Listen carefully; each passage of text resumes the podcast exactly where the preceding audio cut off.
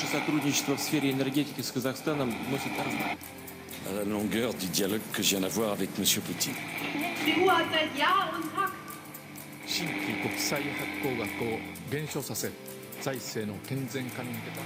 Símbolo del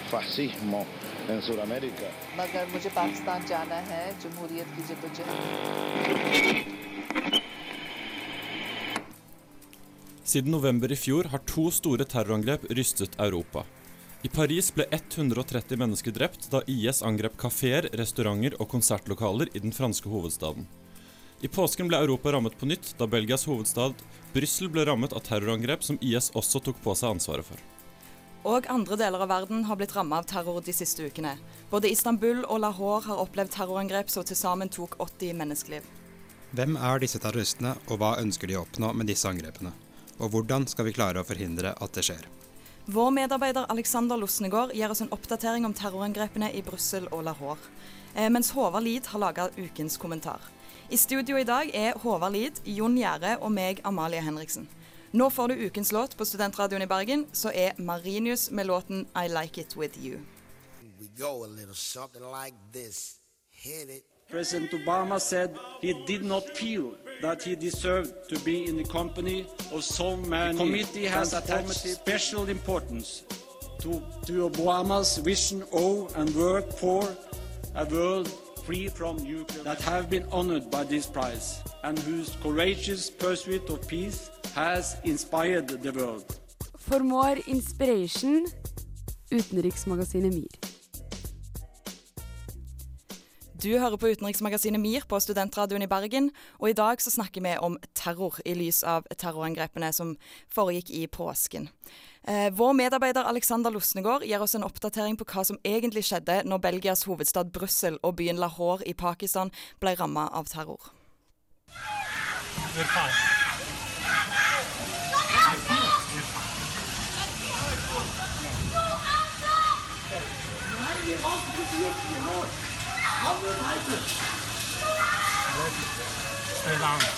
To minutter på åtte tirsdag den 22. mars sprenger Ibrahim El-Bakraoui og Nashim Lahraoui seg i luften på Brussels Airport i Saventem utenfor Brussel. En drøy time senere, 11 minutter over ni, sprenger Khalid El-Bakraoui, Ibrahims bror, seg i luften på metrostasjonen Malbec i hjertet av Brussel. IS har tatt på seg skylden for angrepene i den belgiske hovedstaden som tok livet av 32 mennesker. Minst 340 mennesker er skadd som følge av angrepene. Terroristenes plan skal ha vært å slå til etter påske, men arrestasjonen av Salah Abdeslam, en av de hovedmistenkte etter terrorangrepene i Paris i november, som ble pågrepet i bydelen Molenbeek i Brussel den 18. mars etter det mange beskriver som den største menneskejakten i Europas historie, førte til at terroristene fremskyndet planene. Angrepene rammet mål som er kjent for å huse store folkemengder. Metrostasjonen Malbec ligger bare noen hundre meter fra EU-kommisjonen, EUs utøvende organ. Brussels Airport fraktet i 2015 23 460 018 passasjerer, en oppgang på 6,96% fra 2014. Et team bestående av ingeniører, teknikere og uavhengige eksperter har undersøkt skadene på flyplassen og slått fast at de to bygningene som ble rammet, er stabile. Flyplassen sier i en pressemelding at den er klar til å åpne igjen, men at den venter på klarering fra myndighetene. Ingen fly kommer til å ta av eller lande før tidligst fredag kveld. To dager etter angrepene ble minst seks personer pågrepet av belgisk politi. Faisal Shefou var en av dem. Shefou var mistenkt for å være den tredje personen på et bilde av de to selvmordsbomberne på flyplassen, men ble senere løslatt grunnet manglende bevis. Belgisk politi mener nå at det ikke er Shafou som er avbildet på flyplassen. Belgisk politi jakter også på en person nummer to som skal ha befunnet seg på metrostasjonen Malbec da det smalt. De to hovedmistenkte er altså fremdeles på frifot. 56 mennesker drepne i selvmordsattak i Lahore i Pakistan. De fleste kvinner og barn. Over 200 skal være skadde.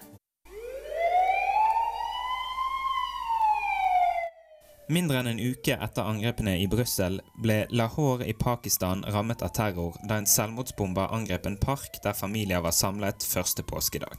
72 mennesker ble drept, 29 av dem barn. Over 300 personer ble dessuten såret i angrepet. Myndighetene i Punjab-provinsen, hvor storbyen Lahore er provinshovedstad, erklærte kort tid etter unntakstilstand og kunngjorde at byen vil sørge i tre dager. Janmat ul Arar, en utbrytergruppe av Taliban i Pakistan, har tatt på seg skylden for angrepet. En av gruppens talsmenn, Ensanullah Ehsan, har uttalt at landets kristne minoritet var målet for angrepet. Haidar Ashraf, en høytstående polititjenestemann, sier at flertallet av de drepte var muslimer. Ehsan sier til det franske nyhetsbyrået AFP at Yamat ul Arar vil gjennomføre flere lignende angrep.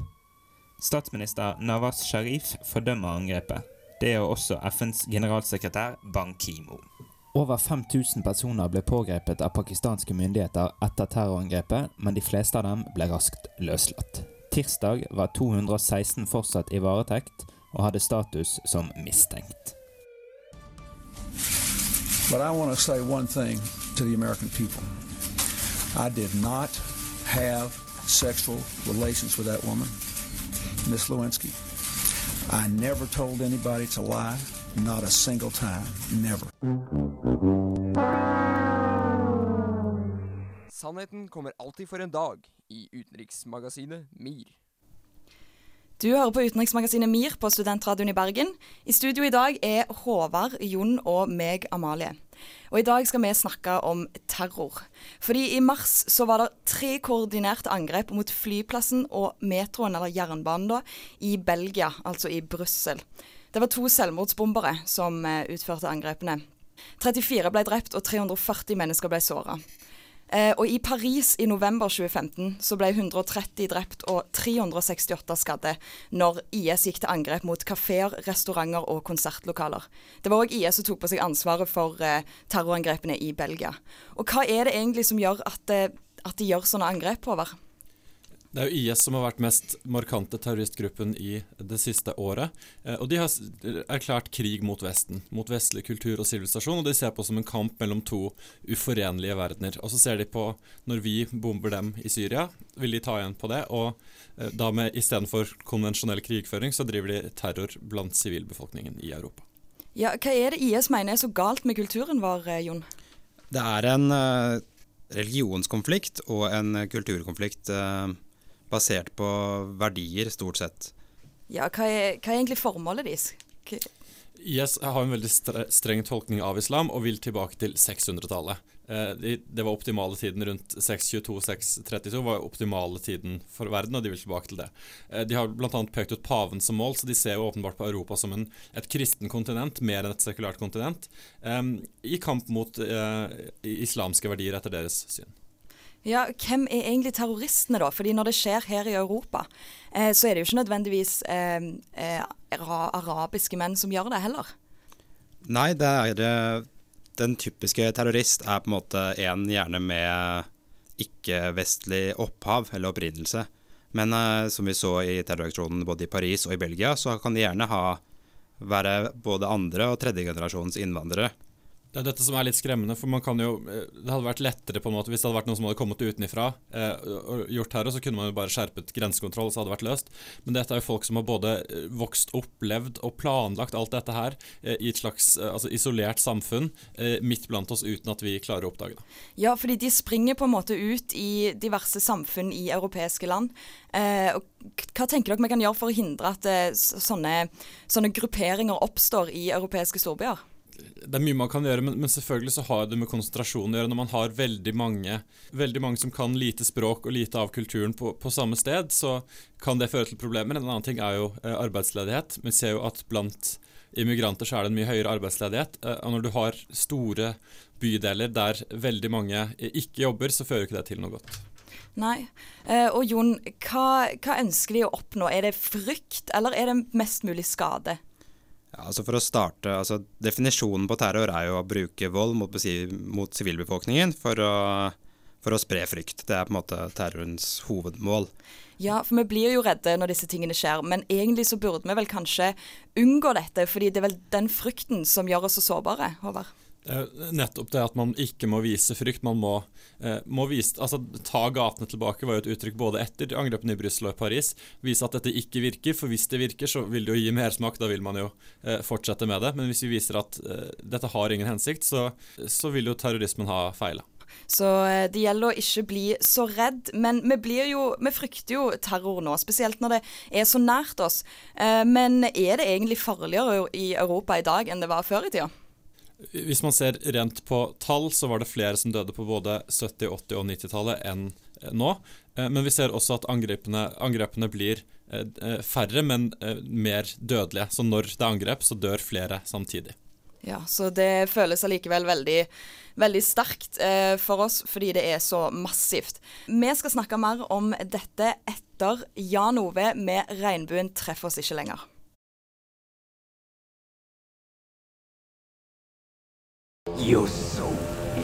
Det, det, er jo på vei utfor stupet. Det, det behøver du ikke være, være verken trollmann eller synsk eller astrofysiolog for å se.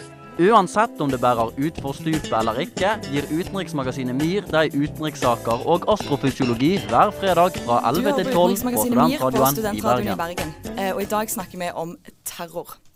Det har faktisk vært vanvittig mange terrorangrep hittil i 2016. Men vi har vel hørt mest om eh, terrorangrepene i Brussel og i Lahore i Pakistan. Eh, men egentlig så har det vært registrert 101 store og små terrorangrep i, uh, i verden i, bare i mars i år. Hva tenker du om dette, Jon? Hvorfor hører vi ikke om de andre? Altså her er det på en måte Medias rolle er på en måte det vesentlige her. Og de vestlige Hvis du leser Al Jazeera har vært veldig flinke til å rapportere om de aksjonene som har skjedd i, i Midtøsten og i Afrika, mens de vestlige mediene leser jo de skriver det vi er interessert i å lese. Ja, for hvor skjer egentlig terroren som oftest? Det aller meste, altså flest dødsfall skjer utenfor Europa. De største angrepene. Vi ser bl.a. nå i Syria og Libanon har det vært store terrorangrep. Og i Lahore nå var det 75 stykker som døde. Det er jo enormt. Men vi hører jo ikke så mye om dette fordi Vesten har, har et fokus på seg selv. Eh, jo nærmere det er oss, Europa og Norge, jo mer hører vi om det. Og motsatt, jo lenger vekk, jo mindre interessant. Ja, for eh, det er sjelden vi hører om mindre terrorangrep i land som ligger langt borte fra oss. Eh, F.eks. i afrikanske og arabiske land. Men det var jo et stort terrorangrep i Pakistan i påsken som virkelig rysta oss europeere i tillegg. Eh, og europeiske og vestlige medier skrev om det. Så hva skal egentlig til for at vi hører om denne terroren som skjer så langt vekk fra oss? Det som var litt spesielt med terrorangrepet i Pakistan, var jo at det var på kristne. Eh, og det kan jo også være med å vekke fokuset til Europa. Det er på en måte, føler vi kanskje et bånd, i hvert fall de mest kristne eh, nasjonene i Europa. Eh, men jeg tror det handler om eh, Fra 80-tallet, man begynte med flyangrep, så handlet det om oppmerksomhet. Man kapret fly og landet dem i ørkenen for å få oppmerksomhet til sin sak, f.eks. PLO i Palestina. Nå handler det om å drepe flest mulig, for så å få mest mulig oppmerksomhet. Så nå må man ramme titalls mennesker for at de i hele tatt skal komme på nyhetene. Ja, for terrororganisasjonene de vil jo ta på seg skylden for dette. De vil at vi skal vite at det var de. Eh, og hvem er egentlig disse organisasjonene, Jon? Eh, hvis du i IS er jo de som har vært uh, mest i uh, mediebildet sånn i hvert fall etter eh, terroraksjonen i Paris og i Brussel. Og så har du på en måte, hvis du I Afrika så har du to uh, hovedorganisasjoner. Du er På vestkysten så har du Boko Haram. Uh, videre så er det hovedsakelig i Afghanistan og Pakistan så er det avart, eller da er det Taliban og undergrupper av Taliban. Ja, hva er det alle disse organisasjonene egentlig har til felles? Likheten er jo at de oppstår der man ikke har en stabil, fredelig stat. Man har ikke maktmonopol. F.eks. Afghanistan har du Taliban, i Syria har du IS, og i Nigeria har du Boko Haram. Til felles er at myndighetene ikke klarer å ha kontroll over hele områder, og da oppstår det kriminelle nettverk som kan fungere, ha andre funksjoner, men i tillegg så er det en terroristorganisasjon. Ja, og de truer jo oss eh, mer enn før nå. Hva skyldes det? Største konflikten nå er jo IS. Full krig med IS. Vi har en offensiv i Midtøsten, og de har angrepet Europa flere ganger, vist at de klarer det. Før dette var det jo Al Qaida med angrepene på Twin Tower eh, og Osama bin Laden i, spissen. Så jeg vil si at IS har tatt over, over dette trusselbildet, men at det, det har vært stabilt høyt siden 2001. Ja, da har det, det gjort at, at, terroren da nærmer seg oss mer. Men eh, er det, hva, hva er det vi kan gjøre for å for å beskytte oss sjøl, eh, burde, burde, vi virkelig være redd for at den islamske stat faktisk skal opprettes? For at det skal bli en islamsk stat som truer andre lands suverenitet? Det, jo, det, store problemet her er jo om man skal lukke seg, altså man skal stenge grenser og prøve å stenge terroren ute. Eh, det vil jo ikke gå, men man ser jo nå bl.a. at man stenger grensen mellom Tyrkia og Hellas. Og da er jo spørsmålet om man da vil øke trykket mot f.eks. Libya, som er et sted som sliter sterkt med, med, maktmonopol, som nevnt. Og da kan vi se at vi får eh, fortsatt like stor terror, bare fra et annet land. Ja, Vi skal snakke mer om eh, hvordan vi kan beskytte oss fra terror her i utenriksmagasinet MIR. Men først får du Ivan Ave med 'Moves'. Hei, dette er forsvarsminister Ine Eriksen Søreide. Du hører på utenriksmagasinet MIR. Du hører på utenriksmagasinet MIR på Studentradioen i Bergen, og i dag snakker vi om terror. Eh, og Håvard, eh, vi vil jo beskytte oss mot terror i så stor grad det er mulig. Men eh, hva slags konsekvenser kan dette få for enkeltmennesker i europeiske land? Det vi ser nå, er jo at Eh, man angriper steder som er umulig å sikre. Man angriper f.eks. T-banenett. Man kan jo ikke legge ned T-banenett og flyplasser i frykt for terror. Eh, og når det er selvmordsbombere, så alt de trenger er jo en ryggsekk. Så med mindre man skal kontrollere alle og enhver hele tiden, så er det uunngåelig å stoppe terror på den måten. Ja, eh, Jon, ser du noen mulighet for at vi kunne forhindre angrepene på flyplassen og metrostasjonen i Brussel? Altså, her må du komme inn på planleggingsfasen. det du, litt i vinden nå er jo den USA og Apple har jo nå vært i en rettsstrid borte i USA, hvor uh, amerikanske myndigheter vil ha in, bakinngang inn til uh, Sånn at de kan komme inn på alle Apple-produkter og se hva som ligger lagret på telefonen. Også det som ikke er opp, uh, lastet opp på iCloud. og samme, du, Vi vet at terroristene bruker krypterte tjenester, sånn som f.eks. WhatsApp. og sånne ting er det på en måte Du får inn masse informasjon, men du klarer ikke å du klarer ikke å bryte det ned. Ja, for det er veldig vanskelig, for, for, som eh, Håvard sier her. Eh, du kan jo ikke forhindre at folk går på toget med bombebelt. Eh, men, så er det er mer overvåkning, er det det som er svaret? Det vi hørte statsministeren i Belgia si, var at de rett og slett ikke hadde ressurser nok. Man trenger rundt 30 personer for å overvåke én terrorist, eller én terrorcelle, én mistenkt. Og når man har flere hundre av disse, så, så blir det en umulig oppgave. Så utfordringen er jo å kunne kunne finne terrorister um, før de utfører angrep, for det er jo straffbart å planlegge terror, uh, uten at man skaper et overvåkningssamfunn. Ja, fordi dette kan jo da krenke våre rettigheter som enkeltmennesker og vår frihet. Eh, men hva er verst? Syns du vi burde ofre vår frihet for å hindre terror, Jon? Nei, selvfølgelig ikke. Men uh, for nå er det litt sånn Du har masseovervåkning som liksom da Hvis du tar uh, sånn som de driver med nå, at de samler inn en haug med informasjon fra alle mulige slags uh, slags eh, åpne kilder. Og så har du det som var resultatet etter Paris-terroren, hvor det ble en mer rettet, eh, en mer rettet overvåkning, hvor de gikk inn på okay, hvem var disse som utførte dette terrorangrepet. Eh, og så gikk, fulgte de det sporet, og da kom de jo fram til han som de pågrep i Belgia. Og da ble jo terroraksjonen i Belgia et resultat av det igjen. Men dette, ja, dette er jo det spesielt angrepet i Belgia er jo folk som er fra fra Belgia, og de har bodd der hele livet. Og de har planlagt dette i store grupper, møttes, eh, kommunisert over internett. Dette er ikke bare, det er ikke bare en tekstmelding en mail, men det er jo masse planlegging som myndighetene ikke har fanget opp, eller ikke har klart å eh, fange opp i stor nok grad til å kunne dømme dem. Ja, fordi politiet har jo fått eh har jo fått kritikk, da, fordi de har jo ikke klart å hindre dette. Men det er jo, som vi ser, vanvittig vanskelig.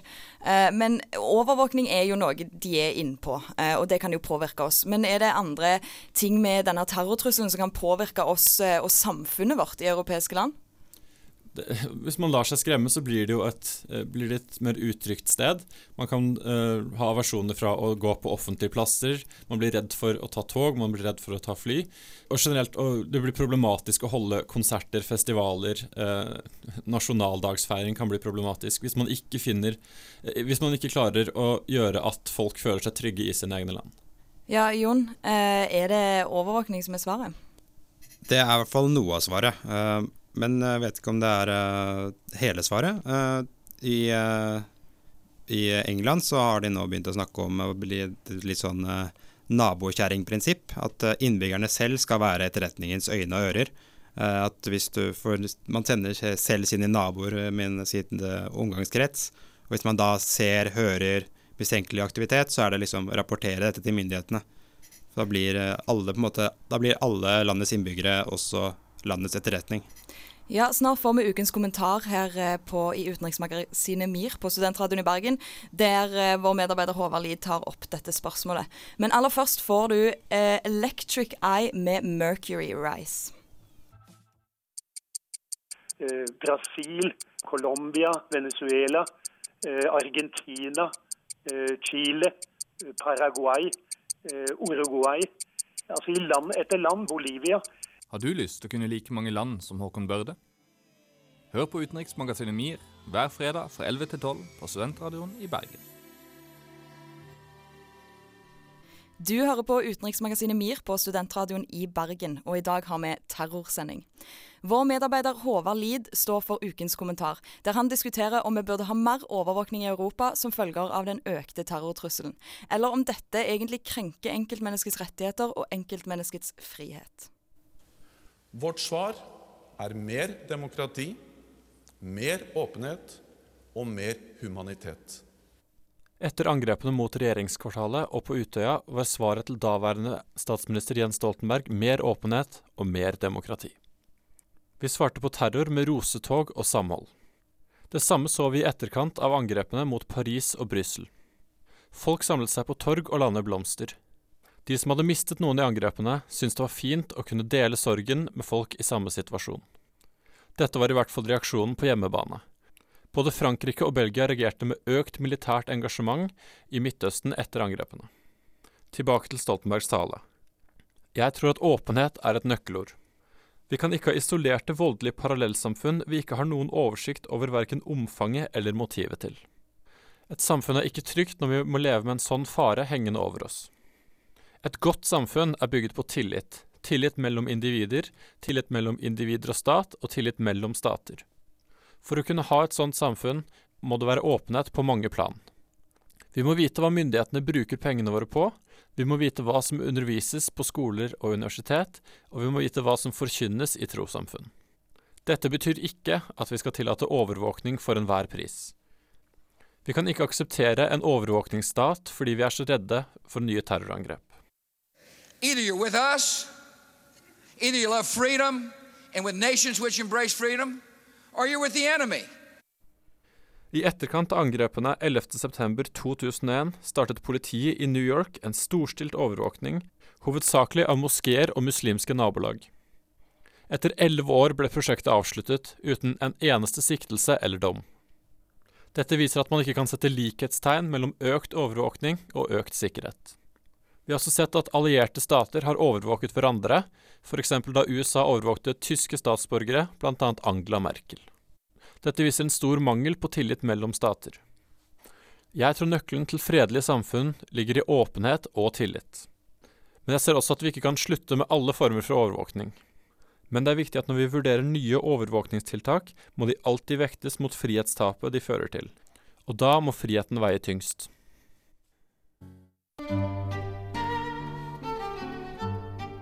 Det som er essensen, er at det, altså det, det er realøkonomien som betyr noe. Det, det, det, er ikke, Og penger er bare en illusjon. Eh, altså det, som virkelig skjer det er at jeg er en professor i økonomi. Finn de gode poengene. Utenriksmagasinet MIR. Du hører på Studentradioen i Bergen og utenriksmagasinet MIR. I dag så snakker vi om terror i lys av terrorangrepene i Brussel og Lahore i mars. Eh, vi må nå tilpasse oss en økende terrortrussel både mot Norge og vestlige land generelt. Eh, og Håvard, eh, går vi nå vekk fra det Jens Stoltenberg sa etter 22.07? Altså at vi skal ha mer åpenhet og mer demokrati? Jeg tror det er nøkkelen. Det er det vi må kjempe for. Og kjempe mer aktivt for nå enn for noen år siden. Og det, det utfordrer oss når, når, det går av bomber i gatene, og så sier myndighetene at dere skal føle dere som trygge. Eh, fortsette å gå i gatene. Så det krever jo mot, men det krever jo også at myndighetene gjør nødvendige tiltak. At folk føler seg trygge ved at man sier at det her og det her har man gjort, og at nå er det faktisk tryggere. Ja, Jon, vi har snakka om eh, hva staten kan gjøre for å forhindre terrorangrep. Men hva kan vi, altså sivilsamfunnet, gjøre for å forebygge terror? Jeg tror uh, alt koker ned til integrering, samhold og respekt. Det er på en måte og inkludering i arbeidsliv spesielt. Vi vet det at arbeidslivet er på en måte inngangen til, til integreringen i hele samfunnet. Eh, følelsen av å bidra, følelsen av å betale skatt, bidra til samfunnet. Eh, rett og slett være en del av, del av helheten. Ja, et samhold. Men vi ser jo etter angrepene nå at det er en økende rasisme og motstand mot muslimske mennesker. Eh, hva tror du dette gjør med samfunnet vårt over? Dette er jo organisasjoner som f.eks. Pegida i Tyskland, Nasjonal Front i Frankrike, som eh, opportunistisk bruker dette. De ser en mulighet til å få oppslutning eh, rundt fremmedfrykten sin, og da bruker de terror og generaliserer at, sier at dette har med alle innvandrere eller alle muslimer å gjøre. Jeg tror det er viktig at vi, eh, vi står sammen som ett samfunn, og ikke tillater at man, man har mange parallellsamfunn. Og da kan vi heller ikke ha egen, sånn som man ser i Frankrike, har man store bydeler med bare innvandrere. Veldig lav språkkunnskap. Politiet er redde for å gå inn. I Belgia så har man en eh, arbeidsledighetsrate på 7,5% for hele befolkningen. Men ser du på unge innvandrere, så ligger den på 30 eh, Og dette, Det er ikke fordi de er mye dummere, men det er fordi de er dårligere integrert. Ja, for vi har en tendens til å plassere innvandrere i samme område. Og det viser seg jo at her kan det springe ut eh, ekstremistiske grupper. Eh, og ofte fordi de òg havner i arbeidsledighet, og det skaper frustrasjon og uro. Eh, men i Wien, der har de en annen boligpolitikk som viser seg å, som kanskje kan forhindre dette, da. Wien har begynt med noe som kanskje kan være svaret på noe av dette. Eh, og, Det er en ny lov som gjør at på nye boligprosjekter så må man ikke bare lage luksusboliger eller bare kommunalboliger, men man må lage en blanding. Man lager både dyre og billige leiligheter sammen, eh, og sammen med næringslivslokaler. Da får du ikke veldig store skiller i byen med da en slum eller getto, også en fin del, men du får, eh, får mer, mer likhet. Ja, for eh, nå har vi snakket litt om hva oss eh, enkeltmennesker kan gjøre. Men eh, f.eks. Frankrike har jo deltatt i luftangrep mot Syria og Irak, eh, IS-mål i Syria og Irak. Men da svarte jo IS med å angripe Paris. Hva tenker dere egentlig om at Norge kanskje blir bedt om å delta i sånne angrep? Vi, har jo, vi deltok jo i Libya. Det var riktignok ikke mot IS, det var jo mot Gaddafi og hans eh, regime. Ja, for hvis, eh, hvis, Nato da ber oss om å delta i angrepene, så gjør det jo oss mer usikre, fordi IS har sagt at de vil eh, angripe de som prøver å gjøre luftangrep på IS-mål. Eh, hva tenker du om dette, Håvard? Nå er jo ikke det her så De har jo ikke det mest nyanserte verdensbildet. USA, jo, USA og Russland har jo angrepet IS mest, og ikke fått flest angrep mot seg. Vi så jo også karikaturtegningen der en dansk tegner tegnet Mohammed, og man gikk opp og oppfordra eh, til å drepe nordmenn. Så de har ikke et helt klart uh, bilde av Europa. For, for dem så tror jeg Europa er under ett, og det har ikke så mye å si om vi er med i angrep eller ikke. Nei, det er vanskelig å vite hvordan vi skal klare å forebygge denne terroren som kommer ganske overraskende på oss. Eh, nå skal du få Ed Sheeran med 'Drunk' her på Studentradioen i Bergen. Is, is, is no Erdogan. No Putin. Rouhani. Alle ville lede sine land tilbake til storhet. Følg med på utenriksmagasinet MIR for mer om deres sleske planer. Du hører på utenriksmagasinet MIR, og i dag har vi hatt terrorsending. Og hva er det vi har snakka om i dag, Jon? I dag har vi snakket i lys av terroraksjonene i Paris, Brussel og Lahore spesielt, om eh, hvem terroristene er, hva de eh, gjør og hvorfor de gjør det. Vi har også sett på hvor ressurskrevende det er å etterforske og slå ned på terrorisme. Og så har vi snakket om hva sivilsamfunnet kan gjøre for å forebygge og forhindre terror. Fikk du ikke med deg denne sendingen, så kan du finne vår podkast på iTunes og srib.no. Følg oss gjerne på Twitter, Instagram og Facebook. I studio i dag var Håvard Lid, Jon Gjerde og Amalie Henriksen. Du kan høre oss til samme tid neste uke, og etter oss nå så kommer Plutopop, så heng med videre. Nå får du Hanne Fjelstad med 'Change' her på Studentradioen i Bergen.